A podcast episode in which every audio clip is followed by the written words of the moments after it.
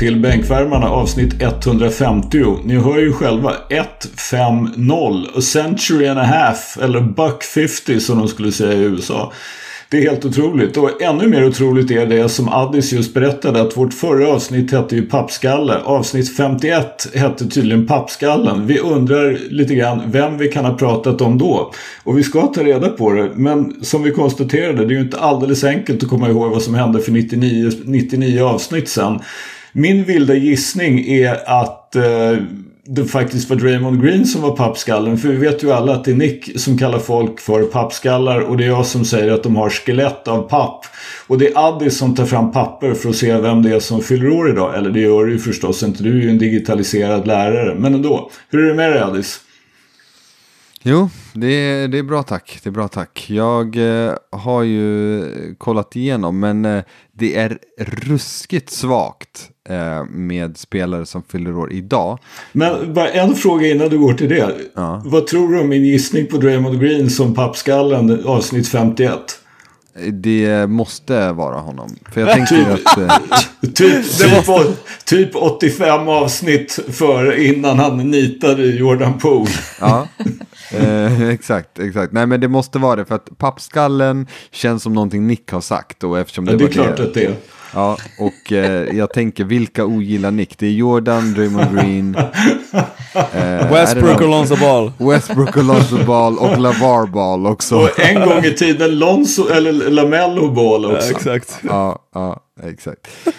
så, så att eh, förmodligen är det det. Eh, men eh, vi får egentligen gå tillbaka till eh, gårdagen när det kommer till födelsedagar. Så. Vi kör väl smeknamn på Basketball Reference igen, det gillade jag. Nej, det är fy fan vad tråkigt det är. Det är svintråkigt.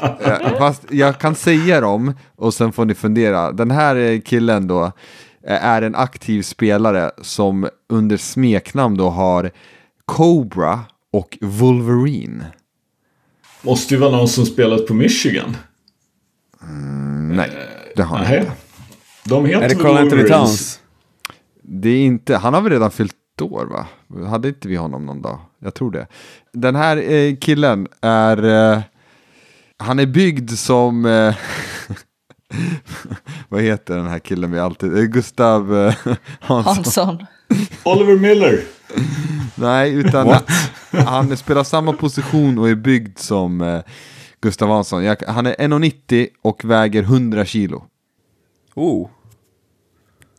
Desmond Bain. Nej, Tony Allen? Nej, Tony Allen är för smal. ja, men det, han är aktiv Jones. just nu. Tyrus Jones. Nej, han fyller 29 år. PJ Tucker. Nej, han är ju typ 38 Han för är fan. väl äldre. Vänta, vänta, vänta, vänta, stopp, stopp! 29, alltså är han född 1993. Ja, Nej, 90 94. 94. 94, oh. Med matten, eh, Nick. Ja, faktiskt.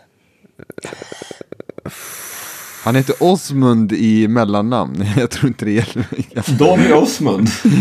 Osmund, det visste jag faktiskt Åh, vänta, jag måste träffa rätt på den här. Det här är ju 94 Ni alla alltså. vet definitivt vem det är. Alltså det är en... eh, Han det är, han är en, thick som fan och han är liksom guard. Ja, det är han. Vad har vi för thick ass guards? Ja, det är ju det man, det är den man febrilt försöker nej, tänka nej, nej, på. nej, det var inget. Jag ser inte det framför mig liksom. Ja, men ni, ni kommer alla säga såklart. För att Men det här alltså, är ju, en som ju i alla fall är kort och bitig är ju Mm. Marcus Smart. Grattis Marcus Smart. Yes! Det är Marcus Smart. Oh, Jag trodde han var 93. ja. Ja, bra jobbat Skölden. bra jobbat. Eh, Skölden, du Till är sist, het. så kom, Är det till sist kom det någon för mig som ju liksom faktiskt har i alla fall profilen. Jag tänkte 1,90. Sen kommer jag inte ihåg om han var född. Han hade kunnat varit född 95 för mig också. Men den häraden i alla fall. Ja. Ja, absolut. Nej, men eh, så stort grattis i efterskott till Marcus Smart. Och han delar för övrigt eh, födelsedag med Shaquille O'Neal. Okej. sak. Mm. Tungt. Jag körde inte quizen på Shaquille O'Neal för det, har- det är ju, blir ju... Alltså, han är 2,16 och väger 147 kilo. Ja, det blir inte många kvar kan jag säga. Ja. Lojsan, hur är det med dig? Har ni sju meter snö i Göteborg eller hur är det? Ja, typ. Nej, men det är bra här. jag berättade förut, jag har varit hemma idag för att ja, som sagt det var snökaos här i morse och nu eh, har man en eh, liten i magen att tänka på så det var ingen idé att bege sig ut. Så jag har ju gjort så här escape room här nu till mina elever och nu har min hjärna börjat komma igång på vad jag ska hitta på för roliga saker till er i sommar när vi inte har så Oh. mycket basket att prata. Okej. Oj, oj, oj. Escape room. Ooh. Ja, ja det Men, kanske men, inte blir men vadå, annat. alltså är det så mycket snö att ni inte har haft skola eller vadå? Jag fattar ingenting. Nej, vi har haft skola, men jag vill Okej. inte... Min, min väg upp till jobbet är också tre backar. Jaha, Eh, fattar. Åh och det har varit mycket lastbilar och bussar som åkt av vägarna här. fan. Ja. Så det... Ja, Mölndal. ja farligt. Ja, exakt. Alltså, Farliga stay, stay away. Ja. Nick, hur, alltså det regnar ju alltid i Borås, men du har väl också haft snö och väder idag då? då? Ja, det har varit snöstorm, eh, men eh, läget är bra. Ser på Södertälje mot Borås. Riktigt trött match alltså, måste jag säga. Uh, Borås saknar Ryan Logan, Södertälje saknar Sharky och känns som att... eh, ja, tempofattigt. Men it is what it is. It is what it is baby. Är det avsnitt 150? ja. Ja, vi, vi firar inte där. Jag, vi kommer fira tusen. Alltså allt det där 200, 300, det där är ju inget vi ska sträva, sträva Alltså, för. jag, jag, jag måste erkänna att jag är nog faktiskt beredd ändå att fira 500. Det, det känner jag att jag är nog beredd att fira. Ja, det, det kan vi göra. F- 500 känns så helt okej, men äh, det, det där andra, är de, de är äh, vanliga dödliga poddarna. Det kan de fira. 100, ja, fem, 500, då kör vi live-podd tycker jag. Ja, givetvis. Kanske vi Någonstans. lyckas med någon gång innan också. Någon gång kanske vi lyckas få till det där med något landslag. I Eh, Mölndal kanske. Ja, Kanske. vi kör här. Jag ska visa er området. Eh, för att gå till dagens övningar då. Nick, apropå det här med pappskallar så eh, inte, jag säger inte att han är en pappskalle men det verkar ju onekligen som att eh, Ja Morant har betett sig ganska pappskalligt. Vad, kortfattat så är det ju så här att Ja har tydligen på sin Instagram live la han upp en bild på sig själv på någon nattklubb i Denver när Memphis spelade en bortamatch mot Denver Nuggets. Och då la han upp en bild på sig själv och ett vapen, en pistol eller en revolver, jag minns inte faktiskt, men någotdera. Det var väl en live-video till och med. Ja, precis. Instagram live. Och då är det ju så att efter det har han blivit avstängd två matcher. Han har bett om ursäkt och han, eller avstängd, alltså han ska inte vara med laget i två matcher. Det är Memphis som i princip har stängt av honom. Han har bett om ursäkt och säger att han måste bli vara bättre. Ja, ni kan tänka er själva. Det var åtminstone en äkta ursäkt och inte en sån där om någon tog illa upp.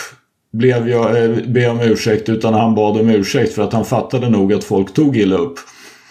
Eh, och det som är ett problem för honom, är, han har två pro- problem legalt och det ena är att eh, i Denver i stadskärnan får du tydligen inte gå runt med en pistol hur som helst fast du får det i staten Colorado i övrigt. Jag tror i alla fall att om du har en, alltså om du har en vapenlicens får du gå runt med en pistol, det de kallar för open carry. Men NBA har också en regel i kollektivavtalet att vapen får inte vara i eh, något, en facilitet som hör till laget och dit räknas ju då bland annat flygplan. Och det här lär ju vara en regel som man kom fram till efter att Gilbert Arenas plockade fram en pistol. Nu minns inte jag, det var, eh, var, var det i ett omklädningsrum eller var det på något plan? När var han, Gilbert Arenas plockade i alla fall fram ett vapen och sen dess Omklädningsrummet. Det var omklädningsrummet, Omklädningsrum. precis. De spelade över kort eller vad det var. Ja, Men så, ju... hur som helst. Ja. Ja. ligger och det har ju liksom kommit upp det här återigen om att han skulle ha misshandlat en 17-åring när de spelade pick-up basket på hans bakgård. Och liksom, det har varit en hel del som inte varit så bra runt Ja. Vad har du att säga om det Nick? Nej men det är väl definition på en pappskalle, en person som jobbat hårt för att komma till en punkt, ja men seriöst. Vi vet att han har ingen historia av att ha växt upp i några utsatta områden, att han har växt upp bland knark och pistoler och att det är folk som har hängt med honom, utan han måste vara första spelaren i NBAs historia som först blir miljonär och sen söker sig liksom till sådana här sällskap och vill framstå som en, uh, ursäkta mitt uh, ordval, men gangster. Uh, sorgligt, uh, deppigt. Han har ju, det där har ju pågått sedan i somras, så jag, egentligen, och kulminerade för några dagar sedan, men det kom rapporter i somras om att han, uh, en 16-åring hade Uh, sagt till polisen att Morant misshandlade honom.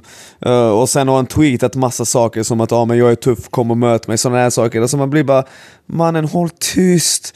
Du skämmer ut dig, du, du håller på och kastar bort allt du har byggt upp och jag förstår inte varför. Det, det, kan inte finnas en rimlig förklaring. Jag har sett folk försöka säga ja, men vet du vad, han är ung, låt oss ha förståelse. Fast nej, jag har inte förståelse för den här situationen. Den är så jävla bisarr. Och han är en pappskalle, givetvis är han det.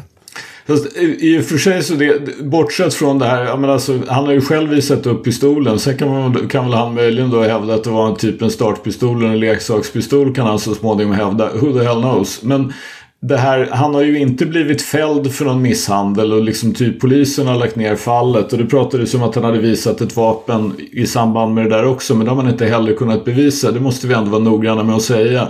Däremot har han ju gjort, som sagt, han har eh, han har ju snackat en hel del och så den här liksom live-videon när han har blivit avstängd och han har blivit bett om ursäkt. Så på något sätt så är det ju att till och med han själv inser Även om det möjligen är under någon form av tvång. Att just nu ser det inte så jävla bra ut.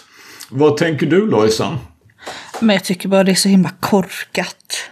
Alltså, han är ju en förebild till jättemånga och framförallt unga människor där ute. Så att han är ju en fantastisk basketspelare. Men att göra sån här sak, att filma sig själv och med en pistol, vad, vad vill han med det? Och framförallt också ett land där det även sker rätt många dödsskjutningar. Vad, vad... Nej, jag blir bara trött på det hela. Det känns så korkat. Jag tycker det är tråkigt att han som, ja men framförallt som förebild gör en sån här sak. Vad är meningen med det hela? Spela cool? Ja, man kan vara cool utan att vifta med en pistol liksom. Så det, jag blir mest bara irriterad. Var det, inte, var det inte Latin King som skaldade något sånt där? Snubben trodde han var cool och viftade med en pistol. Var det inte så? Minns jag helt fel? För han hade en pistol. Ja, just det. Så kanske det var. Ja. Snubben trodde han var cool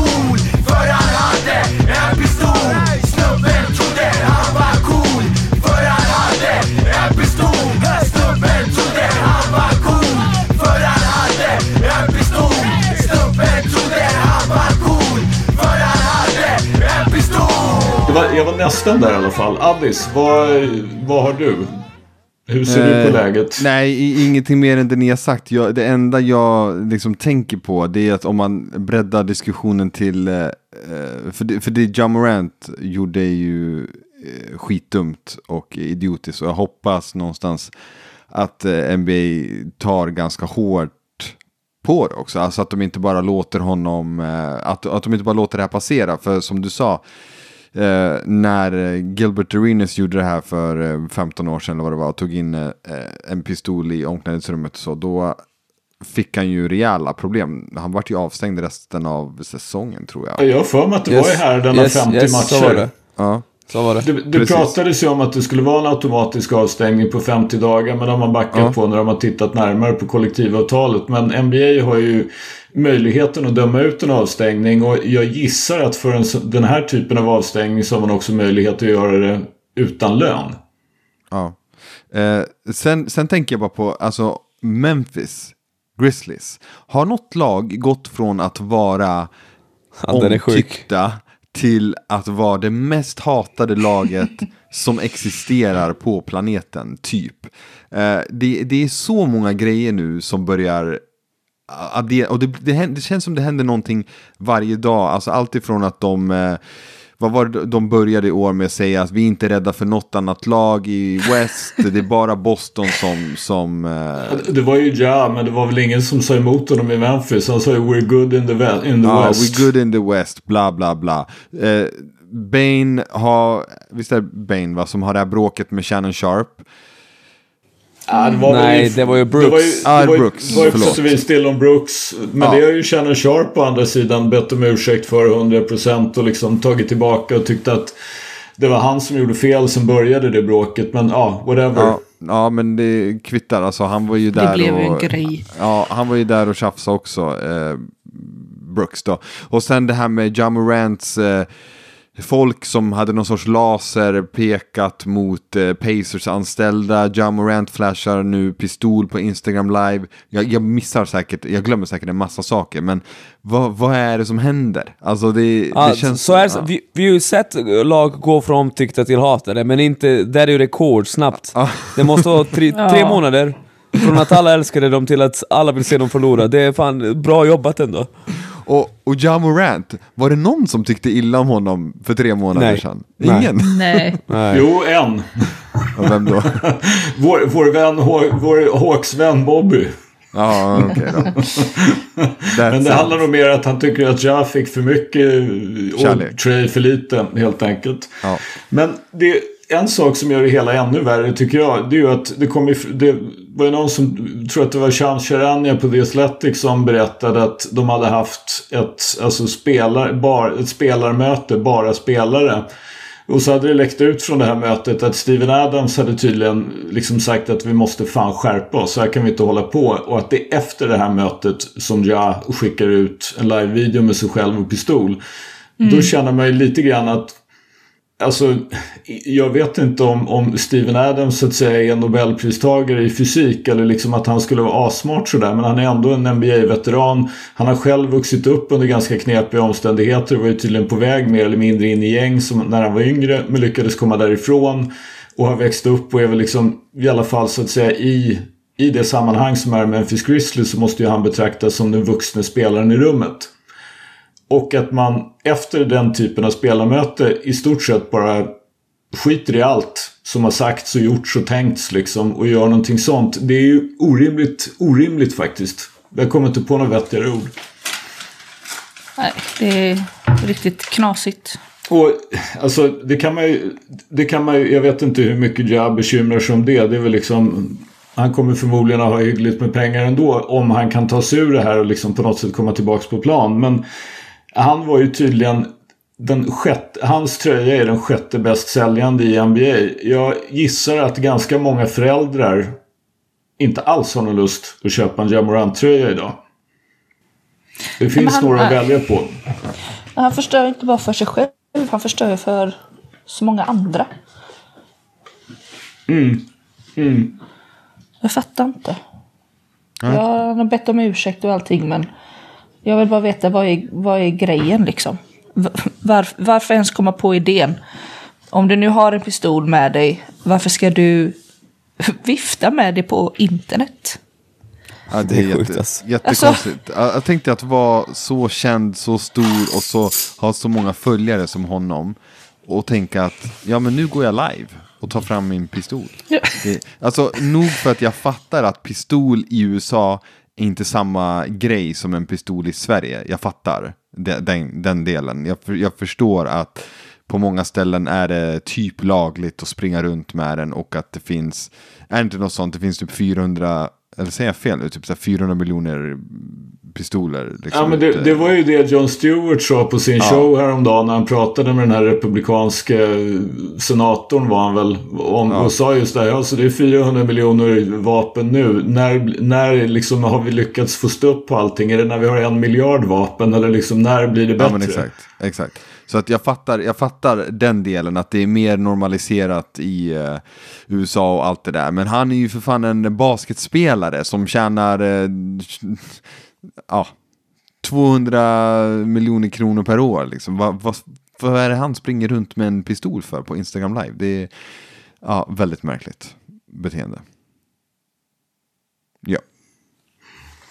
Som sagt, vi får, väl, vi får väl se vad som händer med det här. En, en sak som förvånade mig lite grann, det, och det här kanske var, alltså det kanske är en symbol lite grann för eh, ja, men dels hur man ser på vapen och dels att man har kanske en, en lite annan syn på så att säga vad kändisskapet innebär. Alltså i USA är det väl lite så, jag menar vi har ju haft eh, Alltså de flesta människor som är kända och har mycket pengar har ju livvakter oberoende av liksom egentligen varför. Så att säga. Det, det funkar ju lite så i USA. Det är inte bara, eller alltså, det är ju i stort sett vem som helst. Men jag hörde på Bill Simmons podd och han och Ryan Rosillo var för mig överraskande liksom ursäktande och tyckte att ja, men han är 23 och det här är liksom, jag hoppas att det här är typen liksom en bula i vägen och att han kan ta sig förbi det här och att det är, de tyckte ju förstås att det var korkat, det var inte det, men, men de lät ganska beredda på att ge Edja, eh, liksom, inte, inte ett grönt kort och inte ett liksom, pass så, men att de räknade, eller liksom hoppades på och såg att han skulle kunna komma förbi det här och vara lite smartare. Tror, och det är ju möjligt att han kan, men Alltså det är till och med för mig som jag haft ett svagt, liksom som är svag för Memphis sedan ett par år tillbaka. Jag har ju svårt att bara släppa det här och tycka att liksom Ja, nej, men det är som vanligt. Utsikten är fin här från Dillon Brooks Island. Det är den inte just nu. Det är jävligt molnigt och fan vet om det inte är snöväder fast det är, ska vara en ö där det är varmt och sandstrand och hela konkarongen. Ja.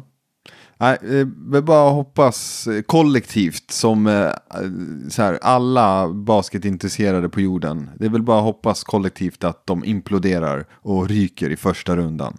Det är ju det man vill nu.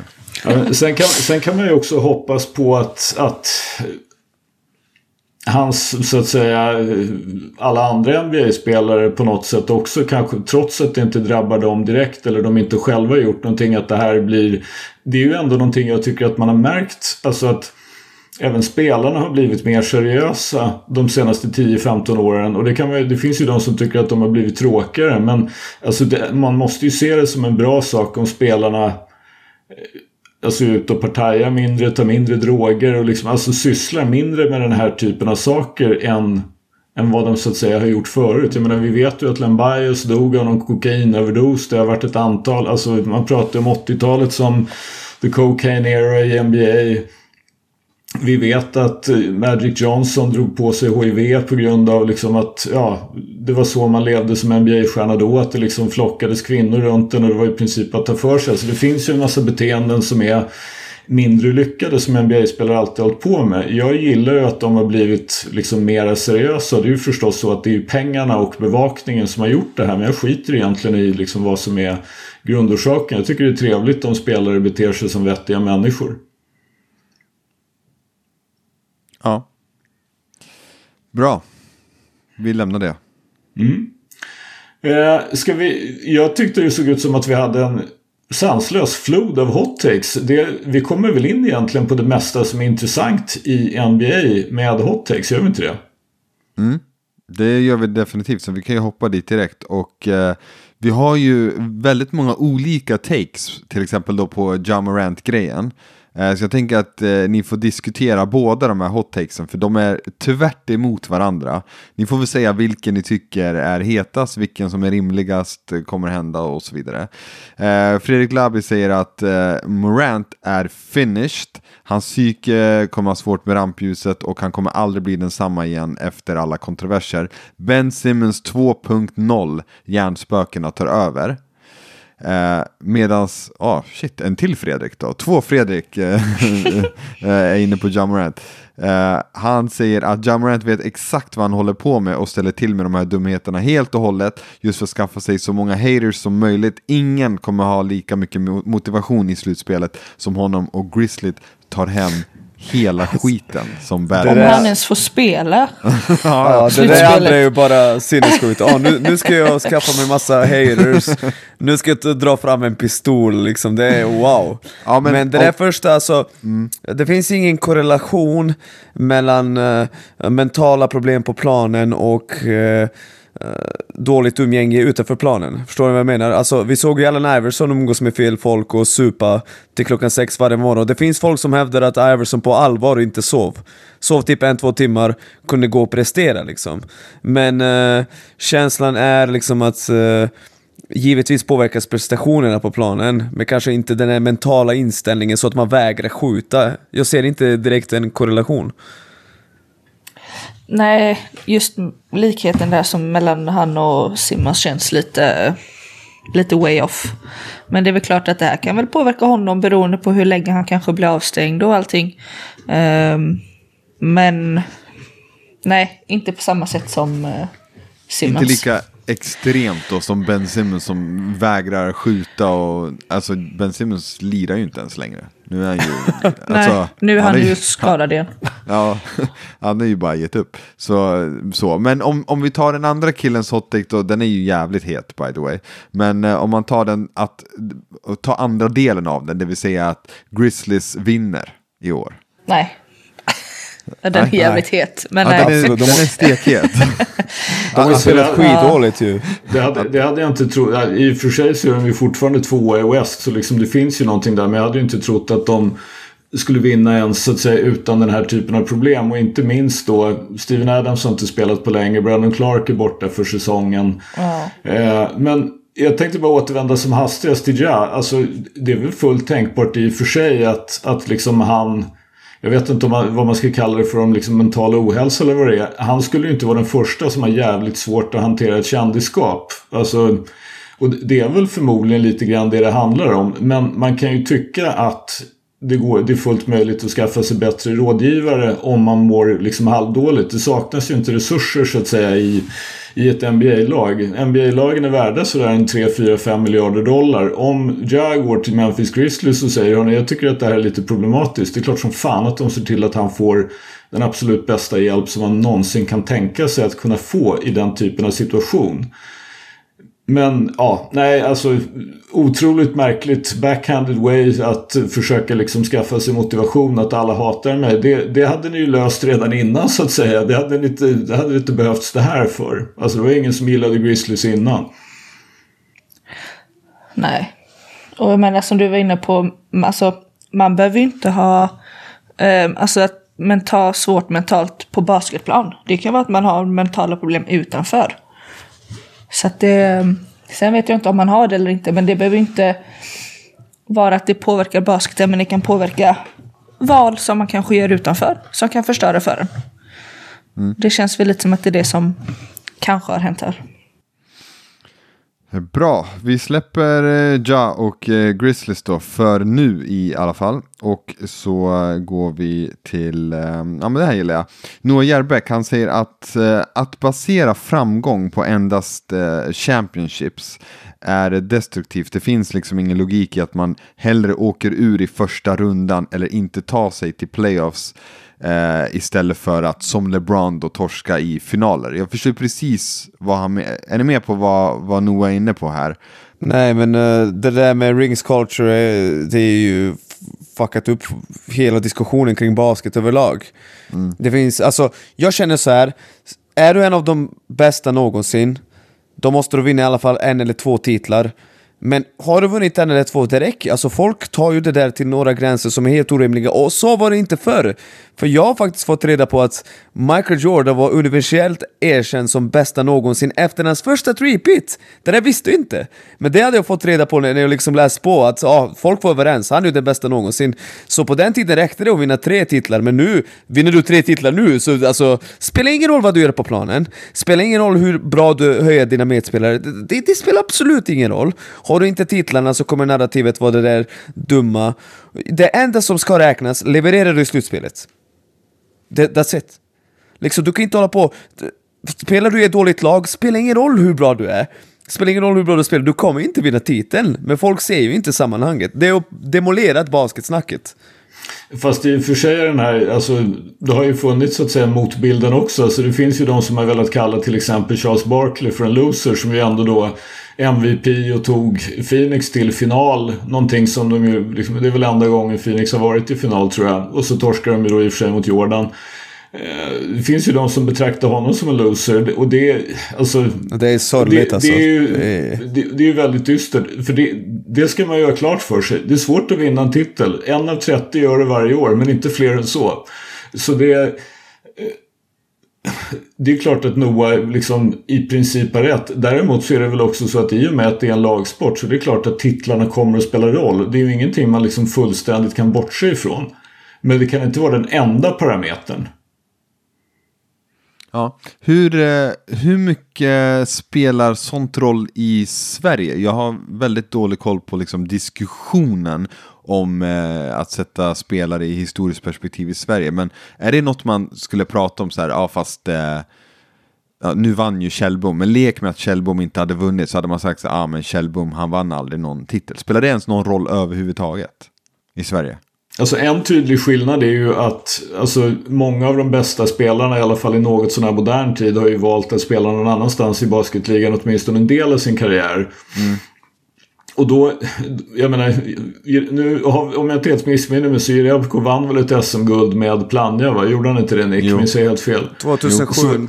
Så, så där, där, han, han har ju det, men liksom även om de hade torskat den finalen så är ju hans tio år i NBA hade ju så att säga satt honom på en piedestal i alla fall. Liksom. Ja. Åtminstone fram till det som hände för ett år sedan. Men, och samma med egentligen alltså flera av de här, jag menar Alltså Chris Sharpovich är ju inte så att säga en bättre spelare för att han var med när Södertälje vann SM-guld än hans år Nej. i Spanien. Alltså, så där, där blir ju diskussionen kanske lite svår. Men alltså förr i världen, innan folk åkte utomlands, då var det ju absolut en diskussion. Ah. Okay. Mm. För då, då var det ju dessutom så att, under, alltså, i, nu går vi tillbaka way way back, så var det ju så att Alvik vann ju typ varje år. Sen började ju det här förändras då på 80 och 90-talet. Och då, då blev ju liksom situationen en annan. Och det är ju klart att då, jag för mig att det var 1978 som Södertälje vann guld och liksom bröt en Alvik-streak. Och det är klart att det Södertälje-laget med de spelare som var med där, de är ju liksom legendariska på den.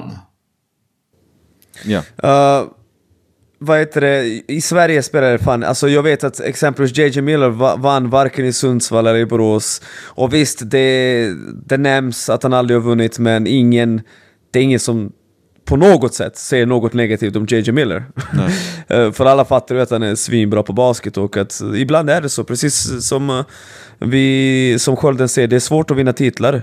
Hade det varit enkelt så hade alla vunnit det. Och du måste ha ett bra lag runt omkring dig. Jag säger så här, finns inte en enda spelare i basketens historia som har med, då, som har med ett dåligt lag vunnit titeln. Inte en enda. Du måste ha ett riktigt bra lag. Mm. Ja, men självklart. Alright, eh, bra. Eh, Noah säger också att Kevin Durant borde vara topp tre genom tiderna bara på hans individuella skicklighet. Jag hade ju eh, Kevin Durant som topp fem innan jag nyktrade till och insåg att eh, jag inte kan ha honom i topp fem. Men nu jag har honom eh, som, som en av topp tio. det har du definitivt. Just för att, precis eh, som han nämner där, är eh, en av de mest skillade basketspelarna någonsin. Och jag tycker att han har åstadkommit otroligt mycket. Han har varit MVP, han har vunnit två titlar, snittat 35-7-7 i en finalserie, kan spela försvar, Uh, ja, alltså topp 10, topp 3, just skillsmässigt. Som poänggörare så tycker jag faktiskt att det är han och Michael Jordan, och sen kommer alla andra. Alltså just bara, här får du bollen, gör poäng. Jag tror inte det finns någon bättre än kanske möjligtvis Michael Jordan. Eller vad säger du Skölden om, om den taken?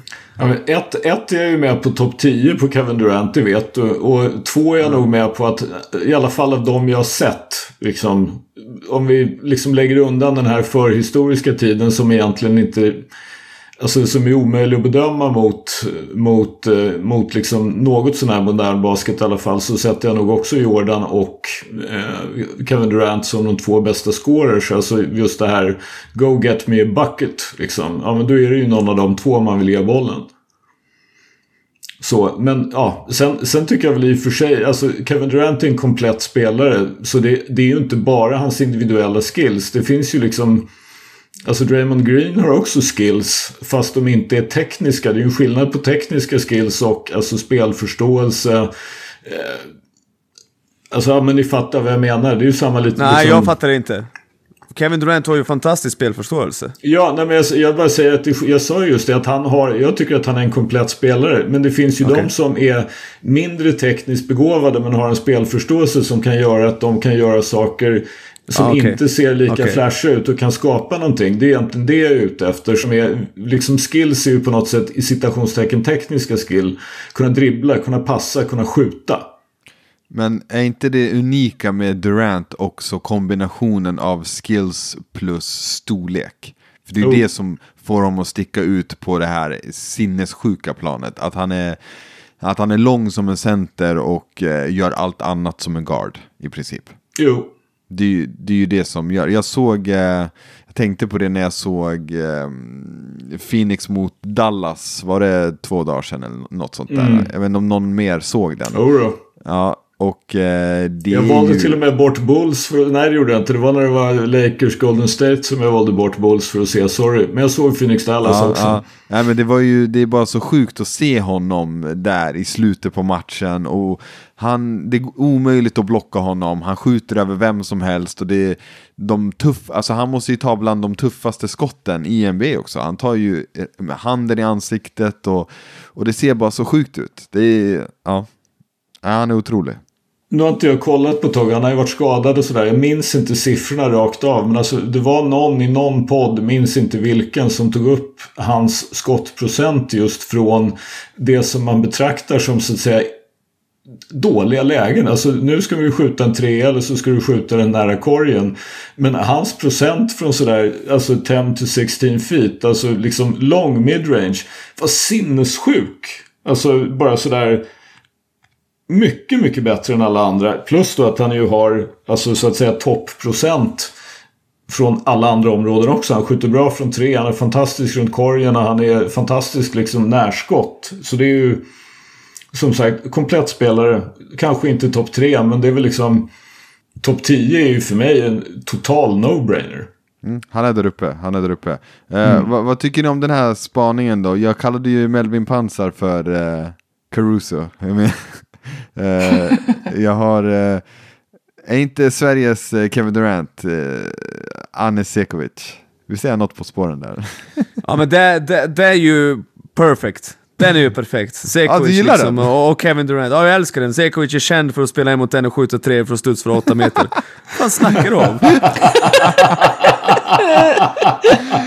Nej, de har någonting gemensamt. Nej, Sekovic är Trevor Ariza. Nej, Trevor nej, nej, nej. Vänta, de har Jo, jo. någonting, det är någonting. De båda har så här stor size på vingen där, skjuter treor, dödliga från tre. Jag fattar det här med från studs och det här, men eh, jag tycker att den har någonting. Den har någonting. Alltså jag, jag tycker bara att det känns... Anne Sekovic och Kevin Durant. I don't know riktigt. Samma mening. Alltså jag, Nej, det, det, det är nog värre än Caruso jämförelse faktiskt. I, I don't wanna go there. Jag ska komma med sådana här varje vecka. Snälla gör det. ja, men jag menar ju inte att de är rakt av. Jag menar att jag, jag, när jag ser det konceptet, liksom, då ser jag det framför mig. Så. Jag, kan bara, jag bara råkade ta, ta fram nu statistiken på Kevin Durant från 10 to 16 feet. I Brooklyn 34, 39 matcher, 60 procent. I Phoenix, det är bara tre matcher, 72 procent. Det är liksom från 16 feet till 3-pointer, 53 procent. I Phoenix, 67 procent. Alltså det är ju siffror som är... Alltså det är ju att skjuta till typ 60 procent från det avståndet. Det är ju liksom vad en center har. Liksom, som inte skjuter längre från tre feet någonsin. Det är sinnessjuka siffror. Det är Annes siffror där. Eh, right. Eh, vi går vidare och tar eh, vår vän Bananmannen då. Han säger att Brunson har varit säsongens bästa nyförvärv.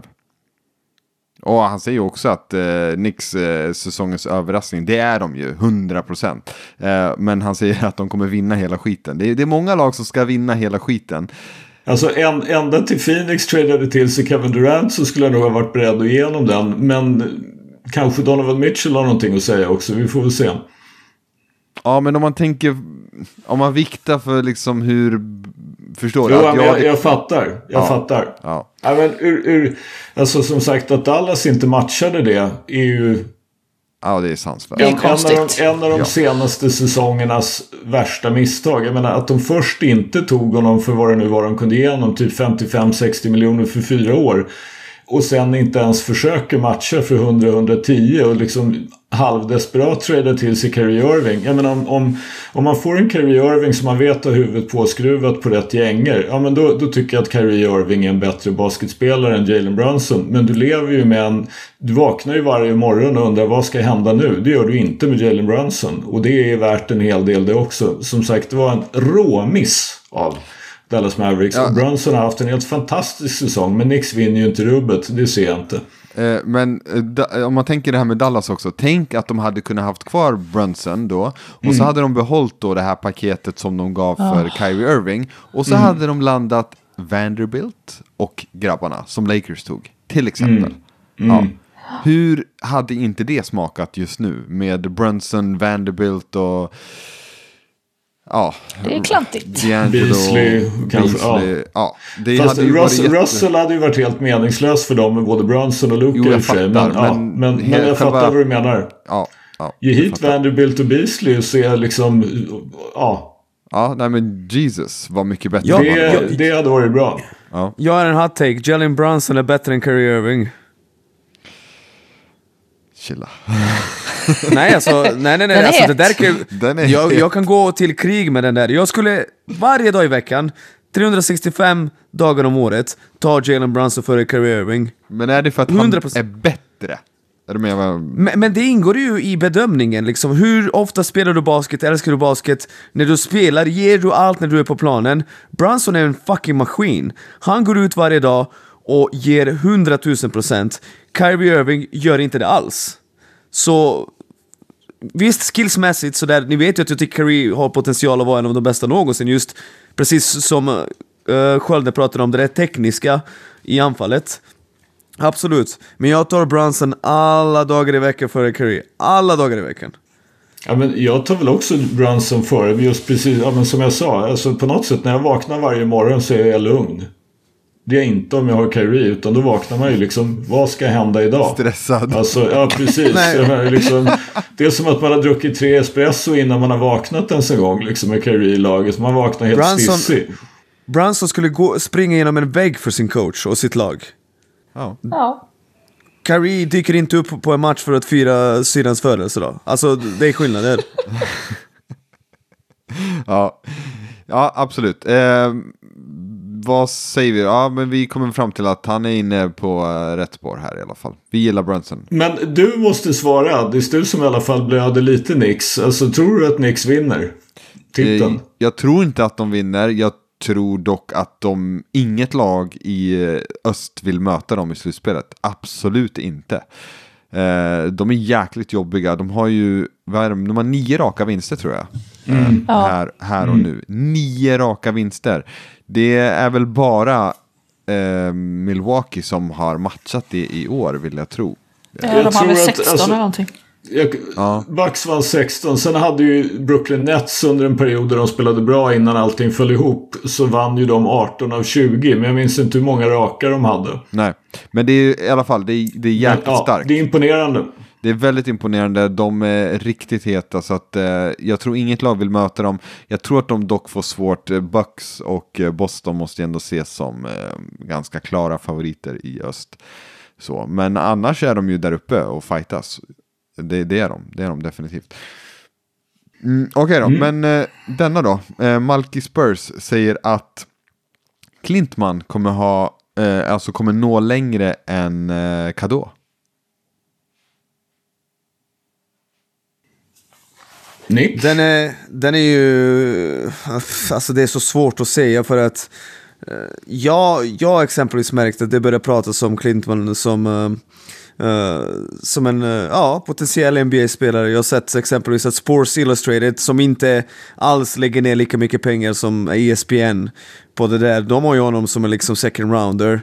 Uh, så det har börjat komma det där snacket, men han är inte där än, han producerar inte uh, jämt. Men ja, han har ju talangen. Han, uh, liksom, om han har en bra sommar och utvecklas och sen tar för sig lite mer nästa säsong så kan han fan komma till NBA och ja.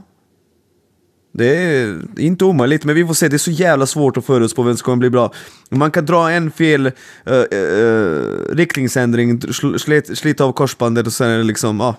Det är bara att kasta bort de drömmarna. Så vi får tagga ner lite med de här NBA. Det känns som att fem svenskar kommer nå NBA och så är det inte. Men det är lite roligt ändå att både Klintman och, och Larsson, de känns ju liksom som, ja, om de kan sätta ihop två månader av jämn prestation så, så kan de uh, liksom hamna på NBA-radarn. Men de har inte den jämnheten i sig, faktiskt. Men det, ska, det är bara kul att det faktiskt går, att det går bra för dem och att se vad som kommer hända sen efter college. Ja, ja. Som du säger, Ja, sen ja. kanske NBA. Ja, vi får väl se, men det är ju väldigt kul att, att, det, att de syns. Nej, alltså Bobby är ett monster. Alltså ni, ni förstår inte hur bra han är. Och han slutar aldrig växa. Han har blivit så jävla stor alltså. Han känns som en legit 207 snubbe nu. Så, ja. Vill man eh, veta mer om Bobby förresten, då kan man väl gräva i arkiven. Jag tror att eh, vi har poddat med honom någon gång, eller hur? Utbytt va? Stefan. Utbytt. Ja, så minns jag det också.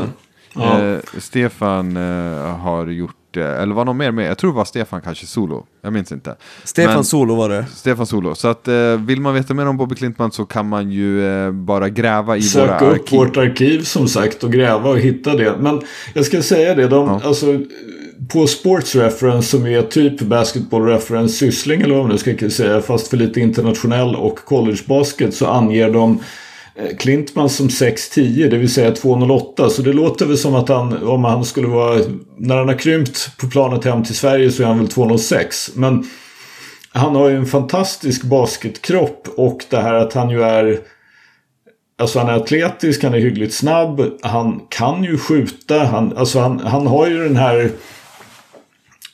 Det är ju en eftertraktad spelartyp.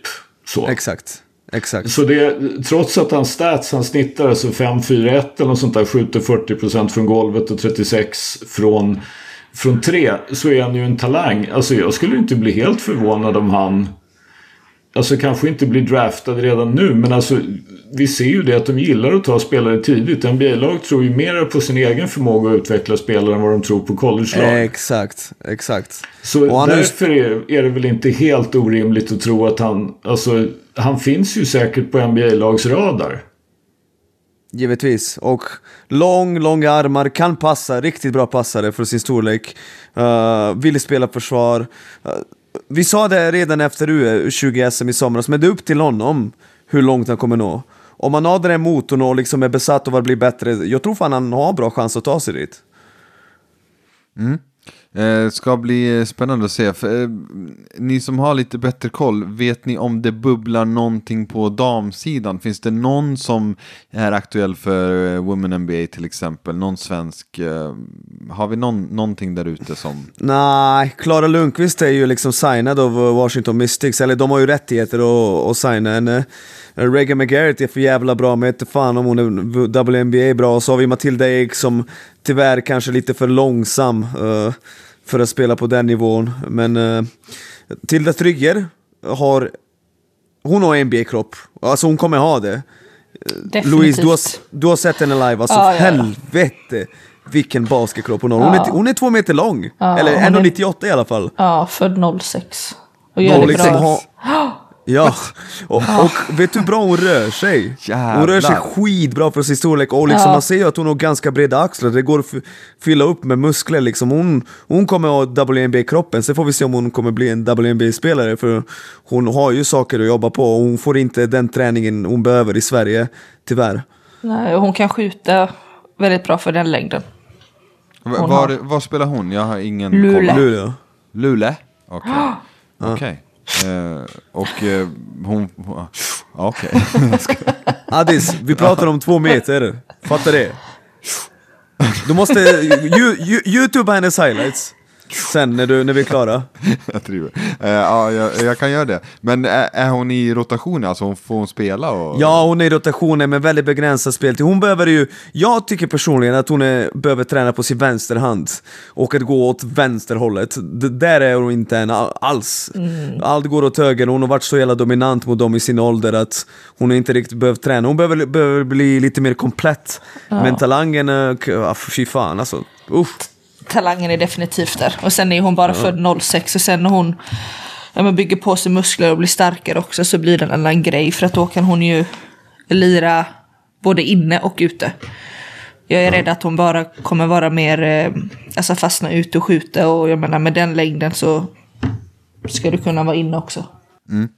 Ja men spännande, Då, det är väl ett namn vi får lägga på minnet. Men Ja, ja, Nick, ja. Nick, du brukar prata om den här, jag minns du tjafsade med någon om det här med största talangen. Var det Stefan du tjafsade med? Du, Stefan, du ja. Ja. Han menar att Kado och hon tjejen, vad heter hon tjejen som spelar U18, Diana Collins, är inte, inte supertalangen.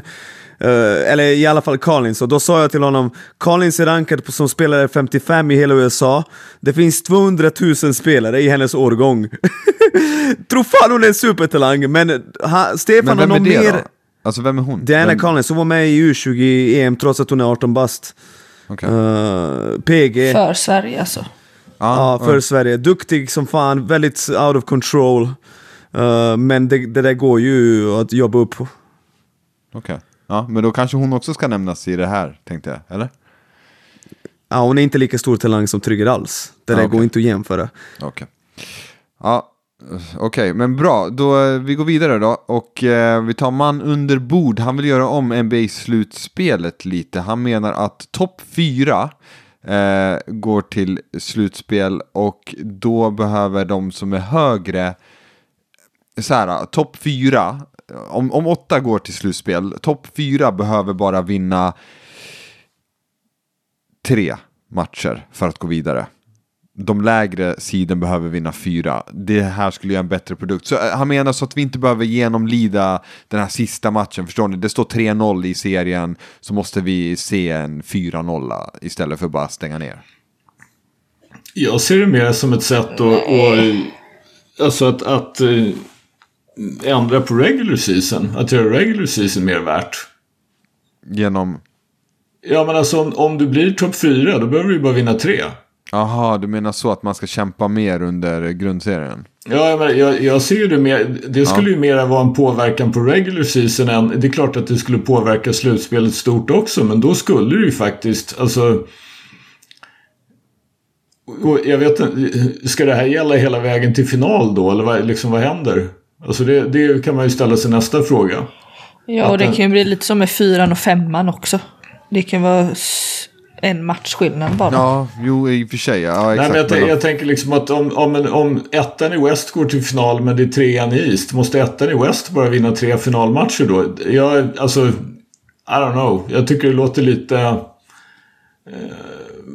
som sagt, det, det är säkert en metod för att göra regular season mer intressant. Men jag är osäker på om man verkligen skulle gilla det när man är framme i slutspel. Men, men tidigare så hade de ju eh, fem matcher bara i första rundan. Det Mm. däremot skulle jag gilla. Dels så leder det till fler, eh, Upsets. ja precis, vad heter det på svenska då? Skrällar. Skrällar. Eh, det, eh, ja men fler skrällar blir ju möjliga eftersom att eh, decemberlaget behöver bara vinna tre matcher och inte fyra. Eh, så, och eh, det går lite fortare också de här eh, total dominanta serierna. Att det bara är över på tre. Så det hade jag varit för. En fem matchers serie. Eh, i, I första rundan i alla fall. Eh, bra, vi går vidare. Felix Wollberg, han menar att Jason Kidd är NBAs sämsta coach. Och han lägger till någonsin också, men det, det är starkt. Så att vi, vi Ja, nämner... eh, jag, jag- jag säger så här, jag säger så här, han coachar inte i anfallet. Det gör han inte. Såg ni Dallas mot uh, Suns i söndags? Ja. Ja men alltså Dallas utveckla. anfall, är- dribbla upp bollen, skjut. Dribbla upp bollen, spela mot en. Dribbla upp bollen, spela mot en. Alltså det, där, han coachar inte. De, eller om man gör det så lyssnar de inte på honom. Eller det kanske är det han säger.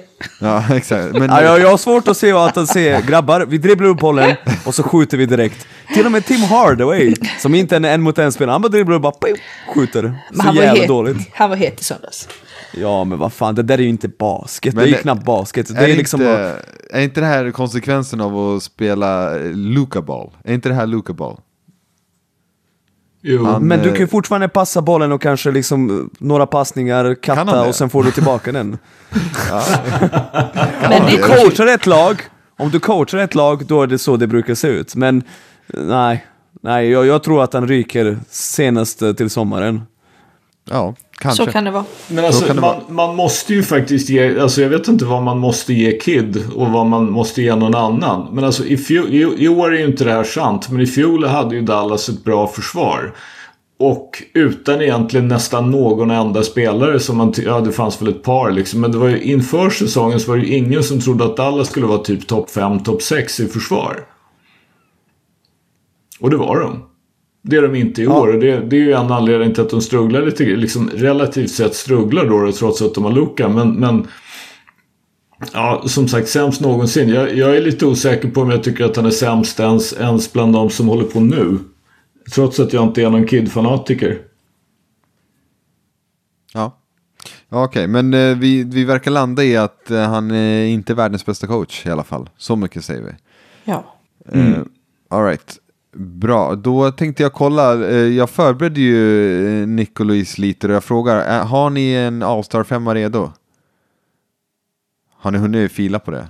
Ja, men det är svårt alltså. Lite, lite spontant. Jag kanske, om man Ja, skulle rösta men- fram en All-Star 5 i SBL här. Ja, vänta, får jag måste- säga? Vänta, jag måste bara säga hot-taken. Ta det lugnt, Ja. ta det lugnt. Jag har inte hunnit dra den ens. Grymt bra säger att eh, jag har ingen hot-take, men skulle ni Eh, inom parentes, eh, okej, kanske inte Addis. Bra, han, han, känner, han känner till eh, mitt, mina intressen, jag gillar det.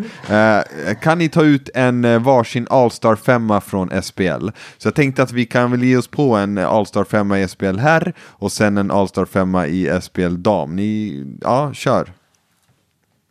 Ja, Nick körde först. Du var ju Mm. het här.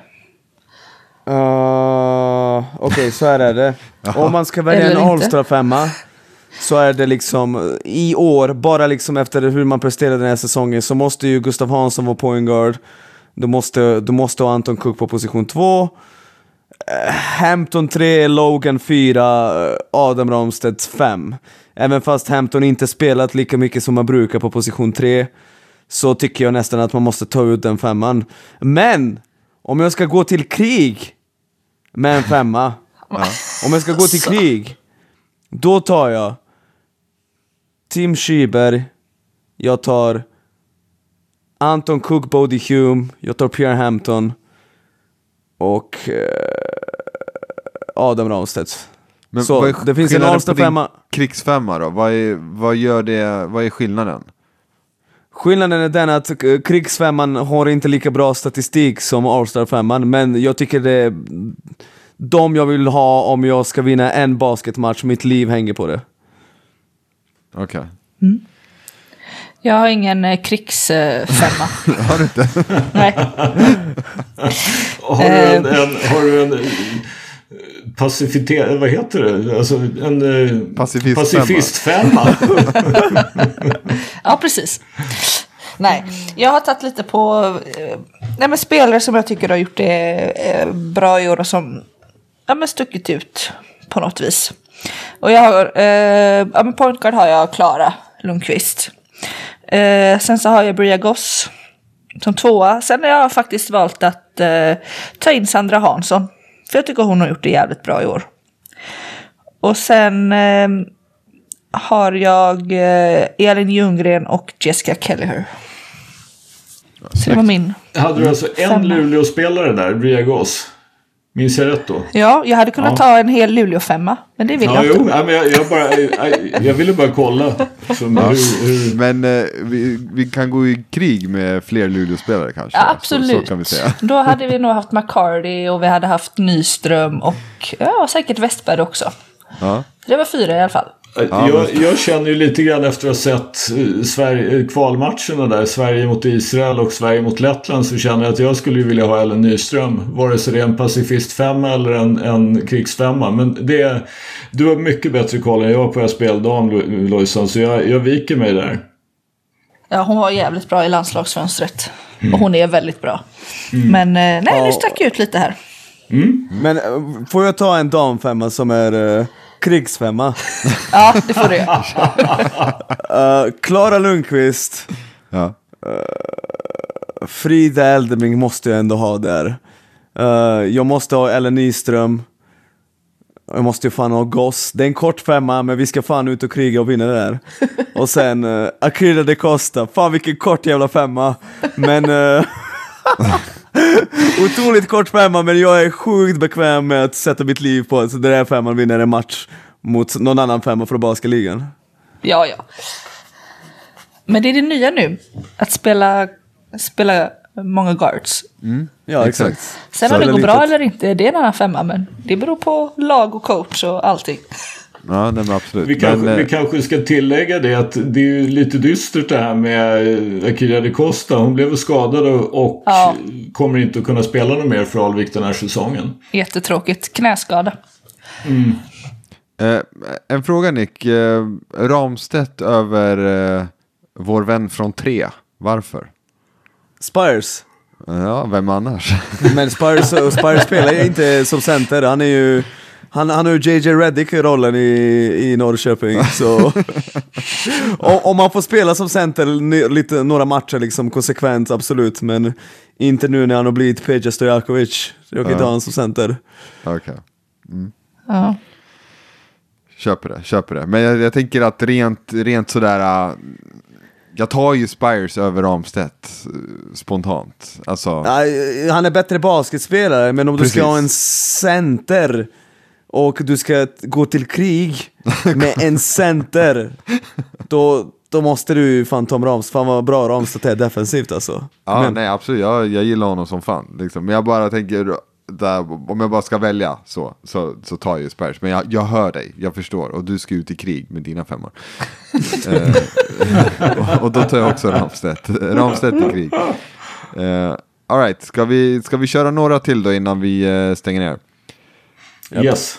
Eh, bra, vi kan ju prata lite MVP då. Vi har fått en från eh, O, Mr och sen är det bara en massa bokstäver. Men eh, Jokic ska inte ha en tredje raka MVP av rena principskäl eftersom LeBron och Jordan till exempel då inte fick det.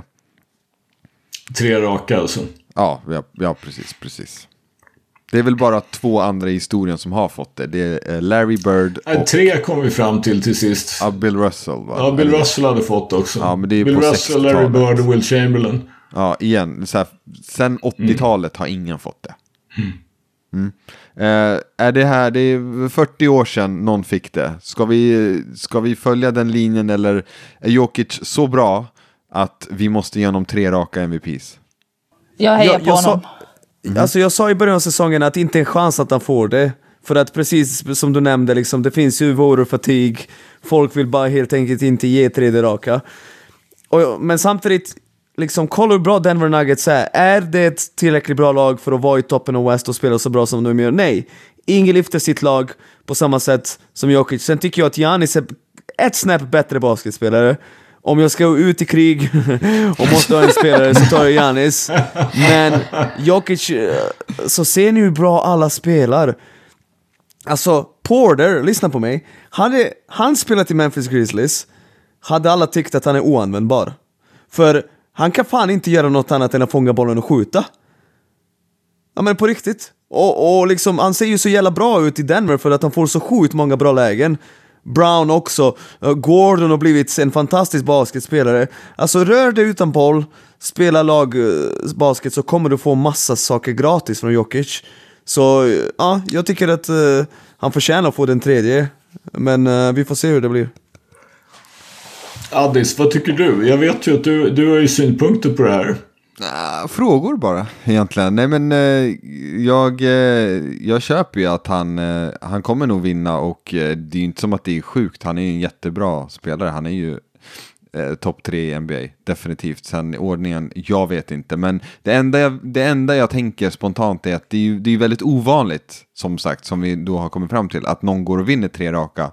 Och eh, jag kan ju hålla med om de här principskälen, det vill säga att Alltså helt ärligt, hur många, Janis Janis skulle ju också ha, man någonstans bara, ah, nej men eh, han har inte vunnit i slutspelet, vi ger inte honom, vi fortsätter inte ge honom och sådär. Eh, så jag, jag vet inte, jag kan, och, och jag håller Janis som NBAs bästa spelare, jag tycker han har varit det senaste pff, fyra åren eller något sånt där. Eh, eller vad det nu är. Så att, eh, mm. Men det, det som är sjukt är just det, alltså jag misstänker att jag inte får något, liksom något mothugg om jag säger att både Jordan och LeBron borde ju ha fler MVPs än vad de har. Exakt. Egentligen. Alltså, Exakt. det är ju helt odiskutabelt för mig.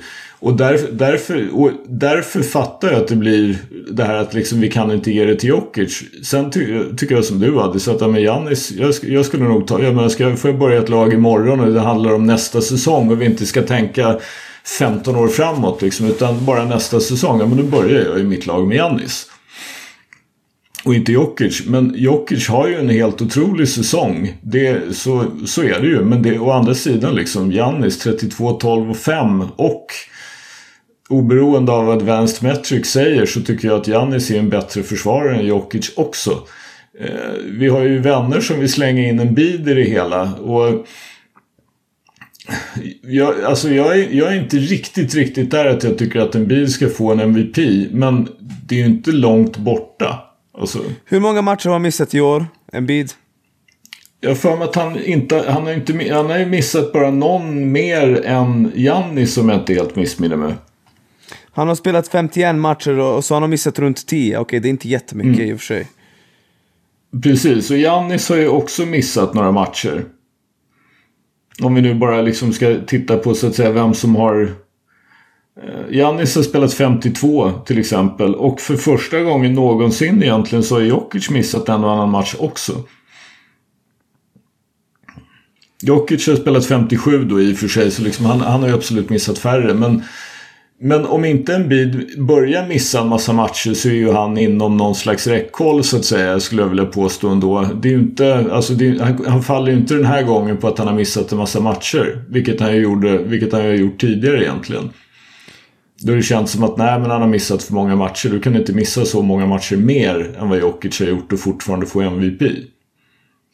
Men ja, det, det är ju... Alltså problemet är ju just där, most valuable player. Ja men ur, ur, liksom ur vilken synpunkt? Vad betyder... Valuable är ju väldigt mycket i betraktarens öga. Jag menar skulle man säga bästa spelare, ja men då skulle ju LeBron ha vunnit, inte vet jag, 12 raka, 13 raka. Jordan skulle ha vunnit 10-12 raka. Alltså, det är ju bara så. Giannis Ja. skulle ha vunnit ett par till. Men men jag tänker på också, jag, koll, jag kollar på så här en lista nu med historien över MVPs. Jag ser att, och det här, det här är faktiskt helt sjukt, jag har inte ens tänkt på det på det sättet. Det är tio år sedan, sedan LeBron vann en MVP. Alltså, va? Det är ju, alltså, han har ju gått till final typ sju gånger efter det. Det, mm, mm, det säger någonting för mig. Det, det, är ju ett, det är ett problem det där också att det är en regular season award. Alltså, det var ju några säsonger där med Cavs där det kändes som att de coastade lite grann. Och LeBron tog en semester mitt i. Så alltså, jag, jag är inte fullt lika förvånad som du. Men det är klart att liksom, om, om det handlade mer om bästa spelare då är det ju självklart att LeBron att det är orimligt att LeBron inte har haft en MVP på tio år. Men är det inte bästa spelaren som gör det argumentet som är varför man röstar på Jokic? Eller? Det är det jag tycker är lite skumt. Är inte, handlar inte om det. Är inte det argumentet? Det har Alltså, inte de- varit bästa laget som har varit argumentet.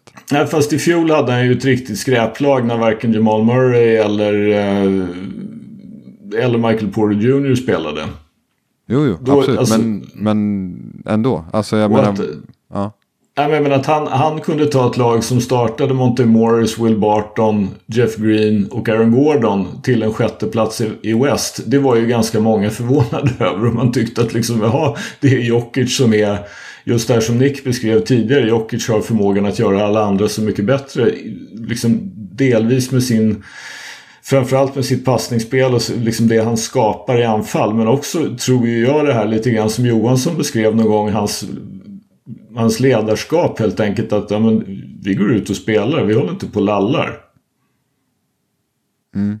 Ja, men, ja, absolut. Men jag menar typ eh, om vi tar 2018. LeBron går till final med och eh, här är de i minutes, minuter per match då efter LeBron James. Det är J.R. Smith, Kevin Love, George Hill, Isaiah Thomas, Jay Crowder, Rodney Hood, Jeff Green. Alltså, det är ju inte, det är ju inte ett superlag direkt. Fast det var väl inte... Det var väl då de gjorde traden? Var det, eller nej, nu kanske jag minns fel. Ah, ja, whatever. Nej, det, absolut inte. Men jag, säger det. Jag säger inte emot att LeBron skulle ha haft fler. Men att han gick till final är ju inte... Är ju inte grejen. Just efter, eftersom det är en regular season award. Nej, jag fattar, men det är ju inte som att eh, han slutade åtta. Det var väl eh, någonstans fyra i is, säger jag att det var till Mm. exempel. Det är ju Mm. bättre, ja. Jag, vet jag tycker bara det är konstigt. Jag vet inte. Mm.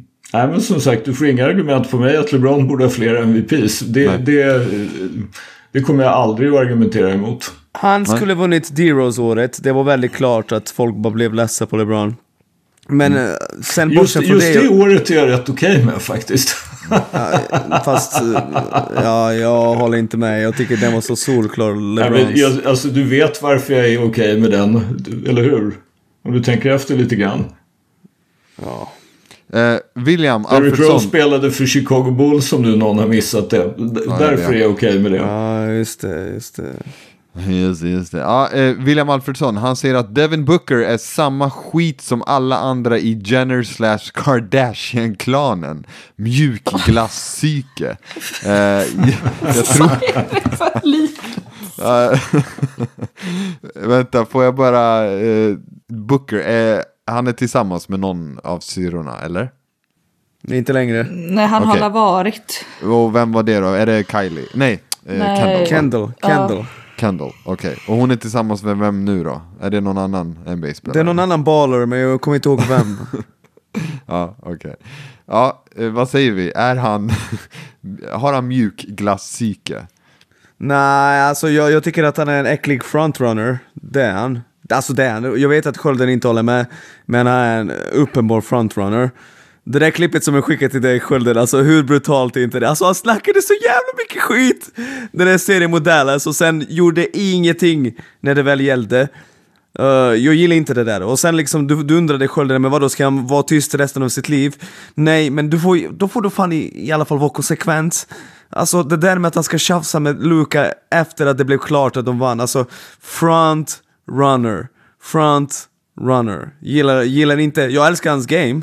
Men jag gillar inte det där front runner mentaliteten. Alltså jag... Ja, jag vet inte. Jag tycker inte att han har mjukglasspsyke hur som helst. Det Nej, gör inte jag verkligen inte. Det, det är en av NBAs bästa basketspelare. Det är liksom min absoluta uppfattning. Sen att man ger bollen till Kevin Durant när du ska vinna matchen. Om du inte gör det, då har du inte mjukglasspsyke. Då har du pappskallepsyke. Då är det klart att bollen ska till Kevin Durant om du ska vinna matchen. Alltså lägg av. Det, det är ju bara larvigt att säga någonting annat. Det har ingenting med Devin Booker att göra utan det har att göra med att liksom vi spelar basket som ett lag och för att vinna då är det klart att vi måste ge bollen till Kevin Durant. Det, det tycker jag det är ju inget märkligt alls. Och vi vet ju dessutom det att om Kevin Durant kommer till en situation där han tycker att det är bättre att passa bollen så kommer han att göra det. Så det är inte heller problemet. Så det, det, det har ingenting med det att göra. Sen det där tjafset mellan Booker och, och, och Luka. Jag uppfattade ju situationen som att Booker klagade på domaren. Sen vet jag inte vad han sa något mer. Men han klagade ju på att Luka inte fick en charge mot sig när han missade sista skott. Sen är det möjligt att han säger någonting mer och att det är det Luka blir grinig på. Men liksom... Måste Luka reagera? Det kan man ju också fråga sig. Det beror väl på vad han sa. Ja men han måste ju inte reagera ändå i och för sig. Liksom. Det, går ju, det går ju att välja att tycka liksom jag är större än så. Du kan tjattra bäst du vill. Jag gjorde 27 på er när ni gjorde 27 i en halvlek. Känslor, Skölden. Känslor. Jo, jag vet. Jag vet. Eh, men, eh, ja, okej. Eh, mm, jag vet inte, vad tycker ni andra om, vad säger vi om Booker? Om vi, om vi säger så, vad landar vi? Han är En bra basketspelare. en bra basketspelare. Ja. Okej, Så enkelt. eh, Patrick Challa, han säger, han tar upp Paul George då. Och så lyssnar, listar han då att han är, har varit en All-Star åtta gånger, varit en All-NBA First Team och massa andra utmärkelser. Men han menar då, här snackar vi tomma kalorier. Vad har han presterat egentligen? Vad säger ni om den? Jag håller inte med om att han är tomma kalorier, jag tycker att han är bra. Sen, han kanske är slightly overrated. Det kanske var en dålig trade att ge bort Shea för Paul George, men kom igen, han är ju tvåvägsspelare, jättebra.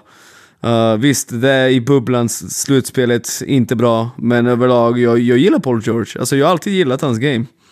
Tycker inte att han är överskattad, tycker absolut inte att han är tomma kalorier.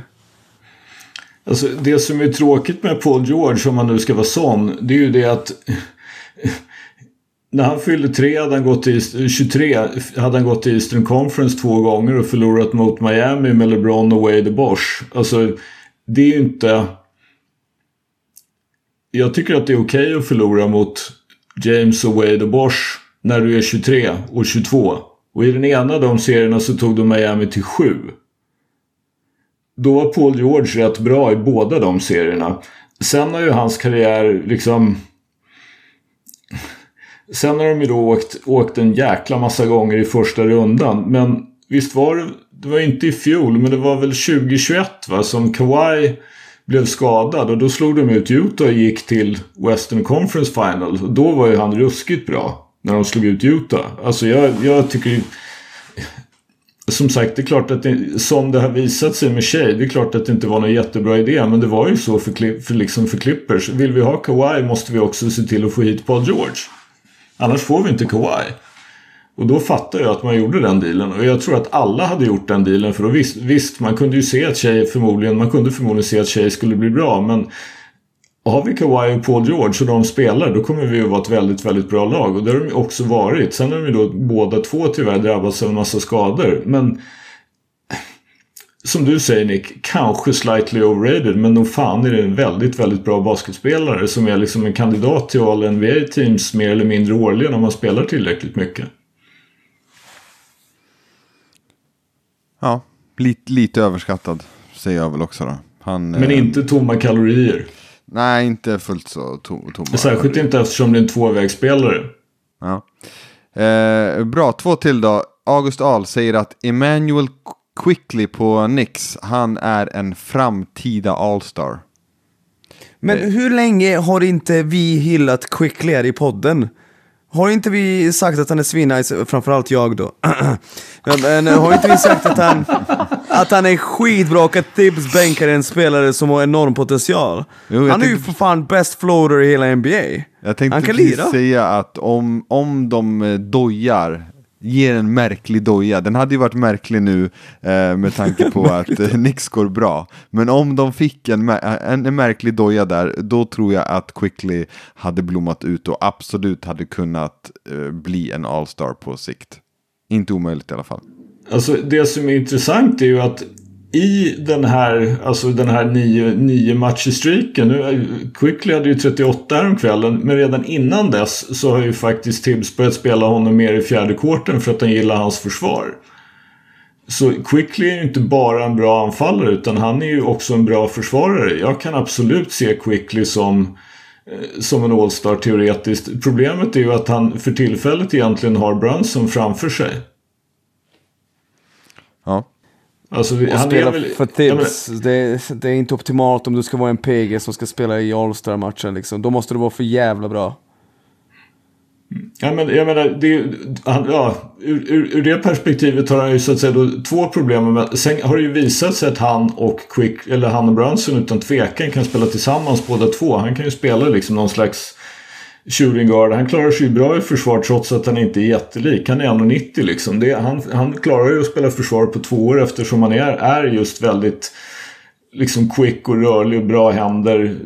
Liksom bättre spelförståelse än vad man räknar med för någon som är relativt ung. Sen som sagt kommer han att hamna i den situationen där han kan få tillräckligt med minuter och tillräckligt grönt ljus för att ha All-star stats. Who knows, men det, den taken är väl lite halvhet men jag tycker inte att den är orimlig. Nej. Eh, bra, Joel säger också att, eh, eller han har ingen hot take men en fråga och jag tänker att den här frågan går till Louise och Nick då för att jag och Skölden kommer inte göra det här i helgen. Eh, men eh, ska ni kolla något på USM nu till veckan? Frågar Joel. Ja men jag ska försöka göra det. Jag ska försöka göra det, definitivt. Vilka är det som eh, spelar i helgen? Inte Ja. den blekaste. Massa lag. Jo men. är det U17, U19, U21? Har du koll på det? Nej, jag är lite osäker. Jag vet För jag inte. tror att våra 07 spelar nästa helg. Här i Götet. Så då är jag i alla fall i hallen. Ja, då är det i hallen i alla fall. Okej, ni ska kolla lite alltså. Ni kan väl ko- komma tillbaka och rapportera eh, i podden eh, nästa vecka eller eh, så. Om eh, hur det har gått och sådär. Mm. Bra, bra. Då är vi, jag känner att vi är klara med hottex. Vi, Vänta, det jag måste bara säga. Ja, eh, Jag måste bara säga att uh, imorgon så spelar Luleå mot Södertälje. Addis kommer att se matchen i sin helhet. ja. Eh, det är det bästa vi har i SBL dam. Se till att titta. Jag hoppas det avsnittet kommer ut innan klockan sju så att folk kan veta att matchen spelas. Uh, Luleå mot Södertälje, det kommer bli finalen till våren också. Så ja, Södertälje har en del att bevisa. Det blir en värdemätare nu, framförallt med den nya coachen. Verkligen. Så det blir väldigt spännande att se. Det ska bli kul att höra din analys sen Addis. Ja, jag har ju läst på lite om att de har pysslat lite mer med helplans, helplanspress och sådär. Ehm, så att uh, visst, visst har man kollen. Man har redan kollen vet du. Fan vad man... Uh, ska jag få se den här centern också, 06an? Hon kommer att spela precis. ja. Otroligt. Ja, det, det ska bli jäkligt spännande. Så jag rapporterar med det till nästa vecka helt enkelt. Perfekt. Ja. Har vi någonting mer? Har det hänt någonting i svensk basket? Har ni något att rapportera om från SPL? Nej, det här är inte så mycket. Borås vann efter förlängning nu, så det kommer bli Borås mot Södertälje mycket troligt i kvarten. Det kommer bli en jävligt bra serie alltså. För Södertälje, de har ju veteraner, de vet hur man vinner slutspelsmatcher. Fy fan. Vilken match det var. Lite grisig. Uh, ja, du, så, jag, jag hörde ju i bakgrunden, din uh, volymen var ju hög så jag... Du var, ju, du var ju typ 10 sekunder efter mig så jag hörde Pablo för tre! Är det sant?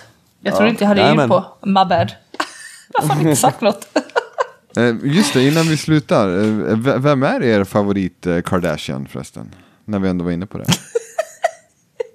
Det måste vi ändå säga. Alltså,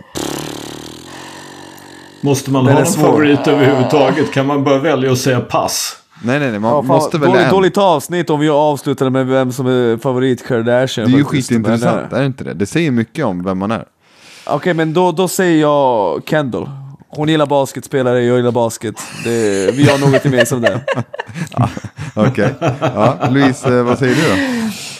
Ja, men vadå, gillar du inte um, Chloe? Hon är, gillar också Gillar inte. Chloe, nej. nej. Men Ja, visst, var det visst, visst, Ja. visst var det Chloe som var ihop med Lamar Odom? Ja, Ja, och Yes. Tristan Thompson. Då, som var- ja, då, då går Chloe Och James bort. Harden. ja Chloe går bort. Chloe går bort. Ja, men alltså, det var ju så att Lamar, som jag minns det, så det, jag kan minnas fel. Jag kanske, kanske får käka upp det här och är, har varit ond och elak mot Chloe i onödan. Men som jag minns det så hamnade ju Lamar Odom på sjukhus och Chloe var väl måttligt intresserad av det. Och det var många andra som var också. Jag kände väldigt starkt, jag hörde någon, läste någon artikel om det där när han låg på sjukhus. I princip svävade mellan liv och död. Hur få det var som brydde sig om honom och hörde av sig till honom när han låg på sjukhuset. Och när liksom han inte kunde betala deras telefonräkningar och hyror och liksom allt vad det var. Och Chloe, det var väl problem mellan honom och Chloe i och för sig, så vad fan vet jag. Men jag... Eh, jag, måste, jag väljer, för att vara konträr då, då, så väljer jag originalet. Jag tar Kim Kardashian.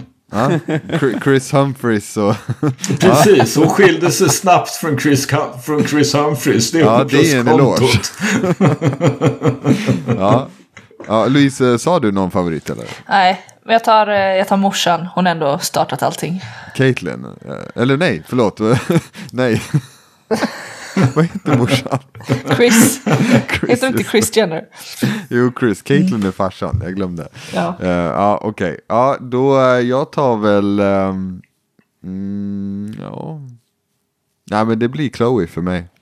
Mitt brandtal gjorde ingenting alltså. Nej, men alltså jag vill minnas att hon har liksom ställt upp för Odom en hel del, men... eh, Ja, nej, men som, som jag sa, jag kan minnas helt fel. Det är möjligt att jag är helt ute och fan, cyklar. alltså. Men jag tänker ta Kim Ja. ändå. Sen stack Ingen stolt, stolt stund för bänkvärmarna. Alltså det där är ju... Bottennapp. Bottennapp. Det, det är ändå lite basket i det hela. ja. Exakt. Chris Humphries baby. Okej. Första och sista gången vi pratar Chris Humphries. Eh, Yes. Alltså yes. för, för de som bara har följt showen, de tror ju och tänker att Chris Humphries var någon, alltså en spelare att... En snubbe. Eh, ja men alltså en spelare att eh, räkna med så att säga. Han var ju Mm. värdelös. eh, Så. Ja, faktiskt. Alltså. Han hade inte platsat i dagens NBA. Jag tror fan inte det. inte. I, och med. I och med att han inte, han hade ju noll touch, no, kunde inte skjuta alls. Nej, nej. Ja, alright. Tack för idag. Ja, verkligen. Tack för idag. Ha det bra köp inte all, kolla inte allt för mycket på Kardashians. nej. Gör som Addis och kolla på Robinson istället. Eller gör som jag och kolla på NBA. Ha det bra. Hej då. Kör.